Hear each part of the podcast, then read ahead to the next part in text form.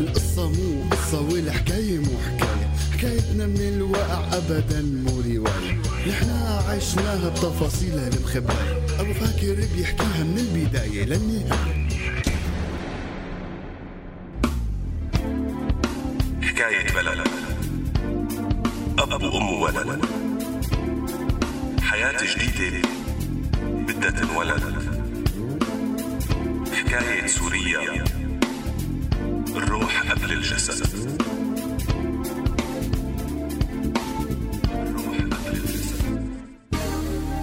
هلا مع حكوات السورياني عاها راديو سورياني. خليكم معنا.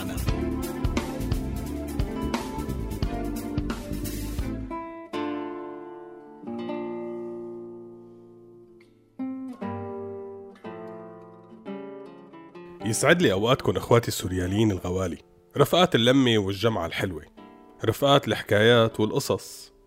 رستقولنا قعدتكم مشان نبلش حكايتنا اليوم يلي جاية من قلب سوريا من حمص الغالية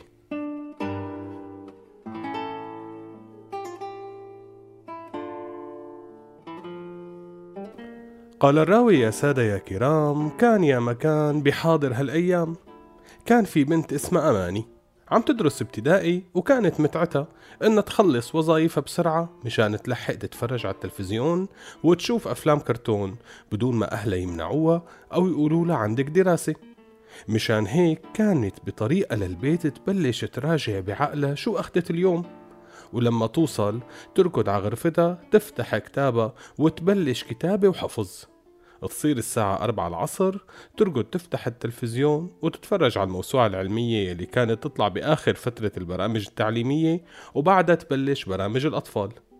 وتسرح بعالم الخيال يلي بتحبه. وكل مرة تتخيل حالها بطلة من هالأبطال تبع الحكايات العالمية. أو الأميرة ياقوت أو هايدي أو فلونا. إيه إخواتي لا تستغربوا. هدول كانوا أشهر مسلسلات بهديك الأيام أيام الثمانينات. وقت ما كان في غير قناة وحدة وبرامج أطفال بساعات محددة. مو مثل هلأ إيمتى ما بده الولد بيفتح التلفزيون بلاقي شي يشوفه. المهم كان روح قلبها تتخيل حالها وحدة من هالشخصيات. وترجع على غرفتها وتصير تكمل الحكاية بخيالها. وتتخيل شخصيات جديدة وأحداث وكلام. وتنام وتحلم بحالها بهداك العالم.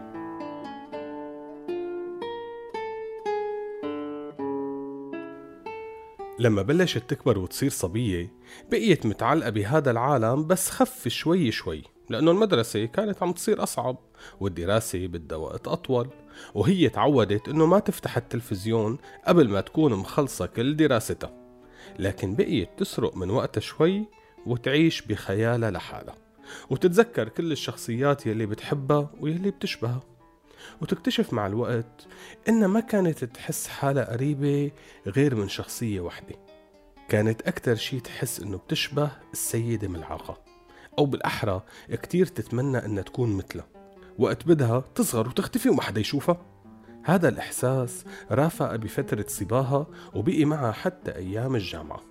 لما تنحط بموقف محرج أو لما يقرب من شاب ويحاكيها وهي تتلبك وما تعرف شو بدها تقول كانت فورا تتخيل حالها مثل السيدة ملعقة. وتقنع حالها إنها صارت صغيرة وما حدا شايفها. تمشي باتجاه البيت وعلى غرفتها وتبقى فيها. ومع الأيام والدراسة والشغل ما بقي كتير احتكاك مع أشخاص بحياتها لأنها صارت تشتغل من البيت. صحيح إنها درست هندسة عمارة مثل ما بده أبوها بس هي ما حبت تشتغل بالهندسة. حبت تكون رسامة. رسامة أفلام كرتون.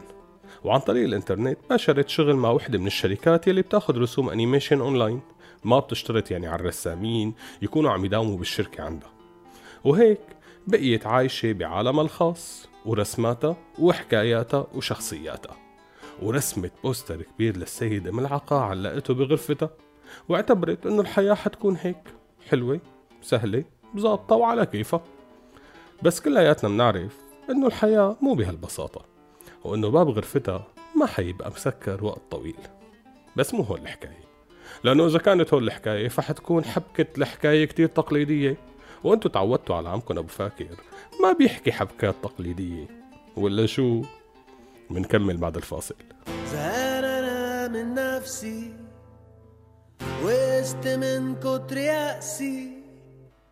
ومن هنا جاني الأمل. أبني كل اللي اتهدم. ضحكت أنا وفتحت قلبي. طلعت حلمي المستخبي دورت أنا ولقيته جنبي.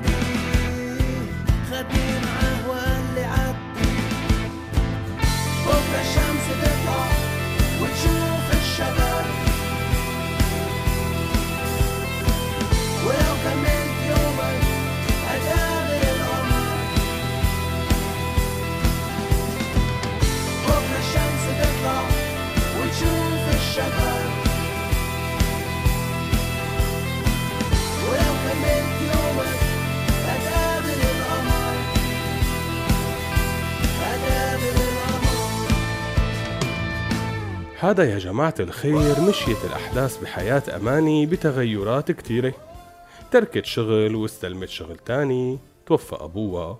أما بلشت تخنقها أكتر بقصة العرسان وإنه صار لازم تتجوز وهي تتغير نظرتها وسعادتها.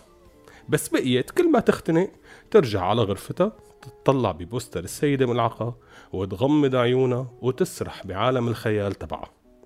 لوقت صارت الثورة بسوريا ونزلوا الشباب على المظاهرات أماني عم شوف التلفزيون ومتفاجئة وخايفة شو عم يصير؟ ليش هيك الناس عم تهتف؟ لك, عم يحكوا على الرئيس؟ لك مو على أساس بحبوه؟ مو صورة من حبك كانت موزعة بكل مكتب ودائرة وشركة؟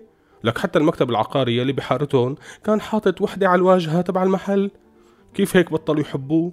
إيه معناتها مزبوط هي مؤامرة وهدول فيديوهات مفبركة. مو معقول الناس اللي طلعوا مسيرات وهتفوا بحياته هلأ عم يطلعوا مظاهرات وعم يهتفوا بسقوطه. هاي فيديوهات كذابة مانا حقيقية. لما حكت هالحكي مع صديقتها يلي بتشتغل معها بنفس الشركة فاتوا بجدال طويل. رفيقتها اللي مسافرة من زمان لأنه أبوها كان مطلوب للأمن واضطروا يهربوا من أكثر من عشر سنين ما كانت عم تصدق إنه هالكلام عم يطلع من أماني. قلت لها لك أماني أنا بعرف عقلك قديش نظيف وقديش هيك حقيقية مع حالك. كيف عم تصدقي كلام التلفزيون السوري والدنيا لك, لك فبركة شو؟ ترجع أماني تناقشها بنفس وجهة النظر. إنه كيف العالم انقلبوا آه؟ كيف تغيروا؟ ترد رفيقتها سهى تشرح لها وتحكي لها عن القمع والخوف وكيف الإنسان بيتغير بس يحس بالحرية بس يسمع صوته ويحس إنه قادر يهتف من قلبه وكيف إنه الناس يعني مو مشكلتها مع بشار بشخصه إنما المشكلة مع النظام بشكل كامل النظام الأمني والقمعي يلي ما بيخلي حدا من شره وإنه أكيد لو بشار بياخذ مبادرة حقيقية لحل هالازمه وبيعترف بالثورة ومطالب العالم فأكيد ما في مشكلة معه شخصيا. بس إذا حيسكت ويقبل بتجاوزات الأمنية والتدخل المخابراتي والاعتقال العشوائية والقواص على المظاهرات فمعناته هو شريك إلهم ولازم يتحاسب مثلهم. وهن عم يتناقشوا بيطلع خبر إنه الشباب بحمص نزلوا على ساحة الساعة الجديدة واعتصموا هنيك. بتلاقيها أماني فرصة ممتازة مشان تقنع رفيقتها إنه كل هالكلام مو حقيقي. بتقلها أنا نازلة هلأ على الساحة وحصور لك إياها لتصدقي إنه ما في حدا هنيك. وإذا كان في فحيكونوا كم واحد يعني مو ألفات مثل ما عم يطلع بالأخبار. ولبست ثيابها ونزلت وتفاجأت بالمنظر يلي شافته. الساحة والشارع الطويل الواصل بين الساعة الجديدة والقديمة مليان ناس. كلهم نازلين ومتحمسين وعم يهتفوا من قلبهم. شافت لافتات مرفوعة عليها كلام حلو. بيحكي عن دولة مدنية حياة مشتركة بين أديان وطوائف وسمعت كلام من ناس عم تحكي عن الميكروفون. كلام حلو عجبها كلام عن حرية فكرية حرية صحافة حرية انتخابات فصل الجيش والأمن عن حياة المواطن تداول سلطة أحزاب كتيرة. إيه لكن وين الكلام الطائفي والمسبات والسلاح يلي سمعت عنه بالتلفزيون؟ وين الناس المحششين يلي عم يتعاطوا الحبوب يلي حكوا عنهم بتقرير الدنيا؟ إيه هدول الناس يلي هون بالساحة بيشبهوني. هذا الكلام بيشبهني وأنا بقبل فيه. هذا الهتاف كتير حلو حبيته. وهتفت من قلبها واحد واحد واحد الشعب السوري واحد. الله سوريا حرية وبس. الشعب يريد إسقاط النظام. ويلا ارحل يا بشار. ومع كل هتاف عم تقوله كانت تحس الدم عم يمشي بعروقها وينتشر بجسمها. مع كل سحبة هوا تاخدها لتهتف كانت عم تحس إنه هي أول مرة بتتنفس أكسجين حقيقي. حست حالها كبيرة عن جد. ما عادت حست حالها صغيرة. ولا تمنت بلحظة إنها تختفي وما حدا يشوفها. رغم إنها موجودة ضمن أكبر عدد من البشر اجتمعت فيهم بحياتها بس ما حست بالخوف ولا التردد. وبقيت للمسا وصورت كم صورة ورجعت على البيت ركيد مشان تبعتهم لرفيقتها وتعترف إنها كانت غلطانة وإنه سهى كان معها حق. أول شي عملته بس فاتت على غرفتها شالت البوستر تبع السيدة ملعقة وقالت لها آسفة طلعنا ما بنشبه بعض. أنا كنت عم حاول أشبهك بس طلع عندي صوت عن جد. طلعت كبيرة وبقدر أحكي. وقعدت على اللابتوب وبلشت تحمل الصور لسهى وتحكي لها شو شافت وشو هدفت وشو كان فيه وسهى عم تسمعها وتبكي وتتمنى لو كانت معها. خلصوا حكي ونامت أماني وهي عم تحلم بعالم حقيقي. مو خيالي. عالم بتقدر تكون فيه على حقيقتها. عالم شافت فيه أمل. الصبح فاقت وهي مطنشطة وسعيدة وفتحت اللابتوب لتشتغل شوي. لقت رسائل كتيرة جايتها من سهى استغربت. فتحتهم قامت شافت فيديوهات القواص على الشباب يلي بالاعتصام. شافت كيف بالليل وهي نايمة إجوا الأمن والشبيحة قتلوا لها عالمها الجديد يلي اكتشفته. كيف بدلوا هتافات البلد والحرية بهتافات عبودية.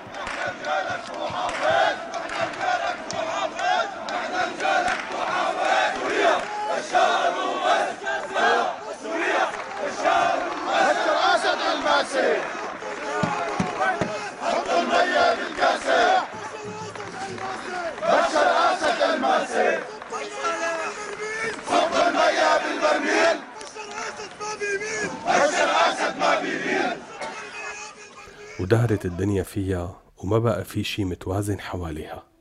بكيت. بكيت من قلبها وما طلعت من غرفتها ولا قدرت تحكي مع حدا. بقيت حوالي الأسبوعين ما قدرانة تعمل شي ولا تفكر بشي. ولما بعدين فتحت سكايب وحكت مع سهى اتفاجئت سهى إنه أماني رجعت علقت بوستر السيدة ملعقة وراها. سألتها ليش؟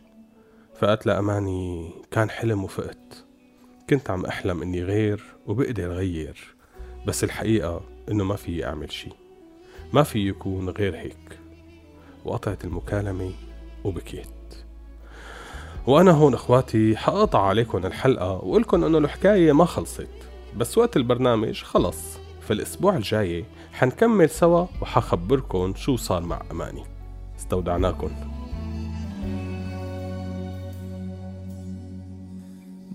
موطني موطني.